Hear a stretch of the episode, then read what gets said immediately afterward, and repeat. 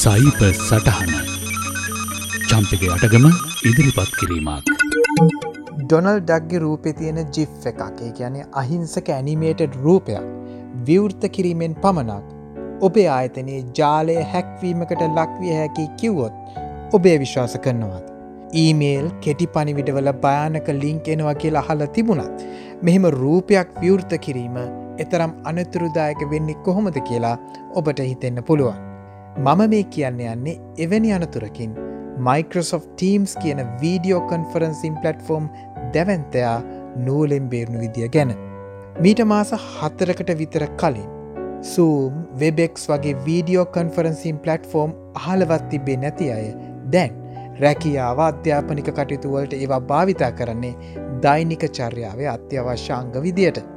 මේ Microsoft Teams කියන්නේ මේ තාක්ෂණය ඉදිරියෙන්ම ඉන්න දැවන්තෙක්.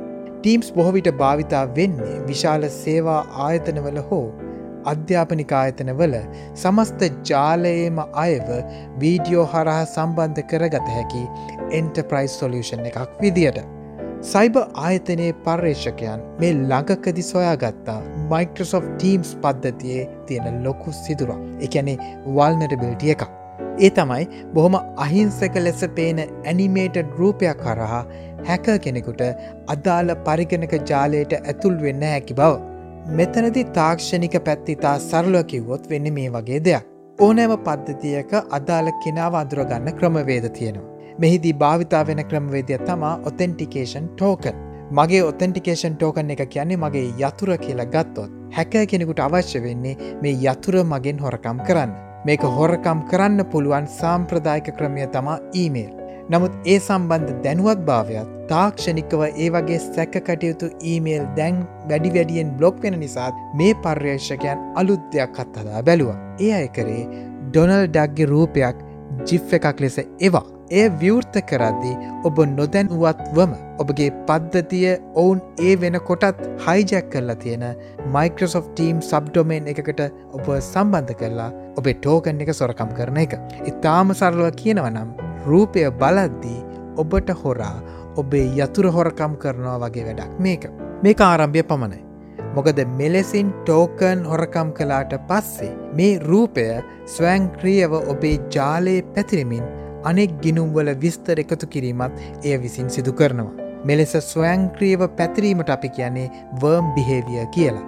එ අතිශයෙන් විනාශකාරී මොකද කොරෝනා වසංගතය පැතිරනවා වගේම මෙහිදිත් මේට ගොදුරු වූ ගිනුම් ආයතනයේ අනෙක් ටීම්ස් ගිනුම් ස්වයංක්‍රියව සොයා යමින් ඒවා ගොදුරු කර ගැනීමින් නිසා ඉතා කෙටි කාලයක් ඇතුළත සමස්ත ආයතනයම ටීම් ගිනුම්වලට අදාළ විස්තර ඒවායේ පාස්වඩ් පුද්ගලික විස්තර ආයතනයේ රහසිගත විස්තර ආක්‍රමණික අතට යනවා.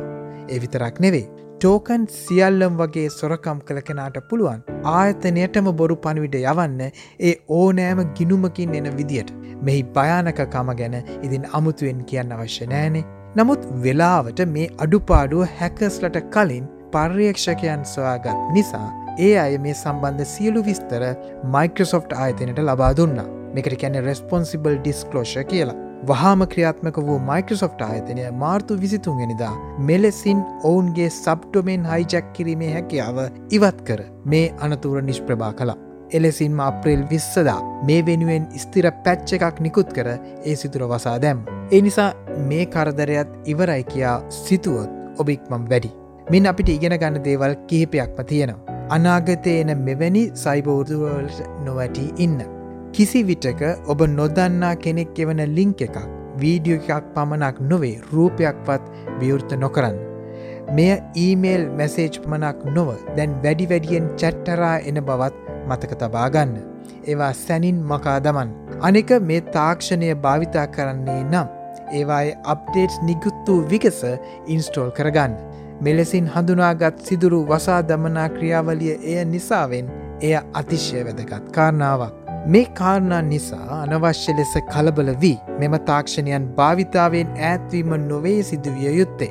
අනවශ්‍ය කලබලයත් නොසැලකිල්ල වගේ මහානි කරයි. අවශ්‍ය වන්නේ අවධානමක් ඇති වග තේරුම්ගෙන ඒ ගැන නිරන්තර දැනුවත් බවෙන් හා විමසිල්ලෙන් සිටීමයි. අදත් ඔබට සයිබ සටහන ගෙනාමම චම්පික යටකම්.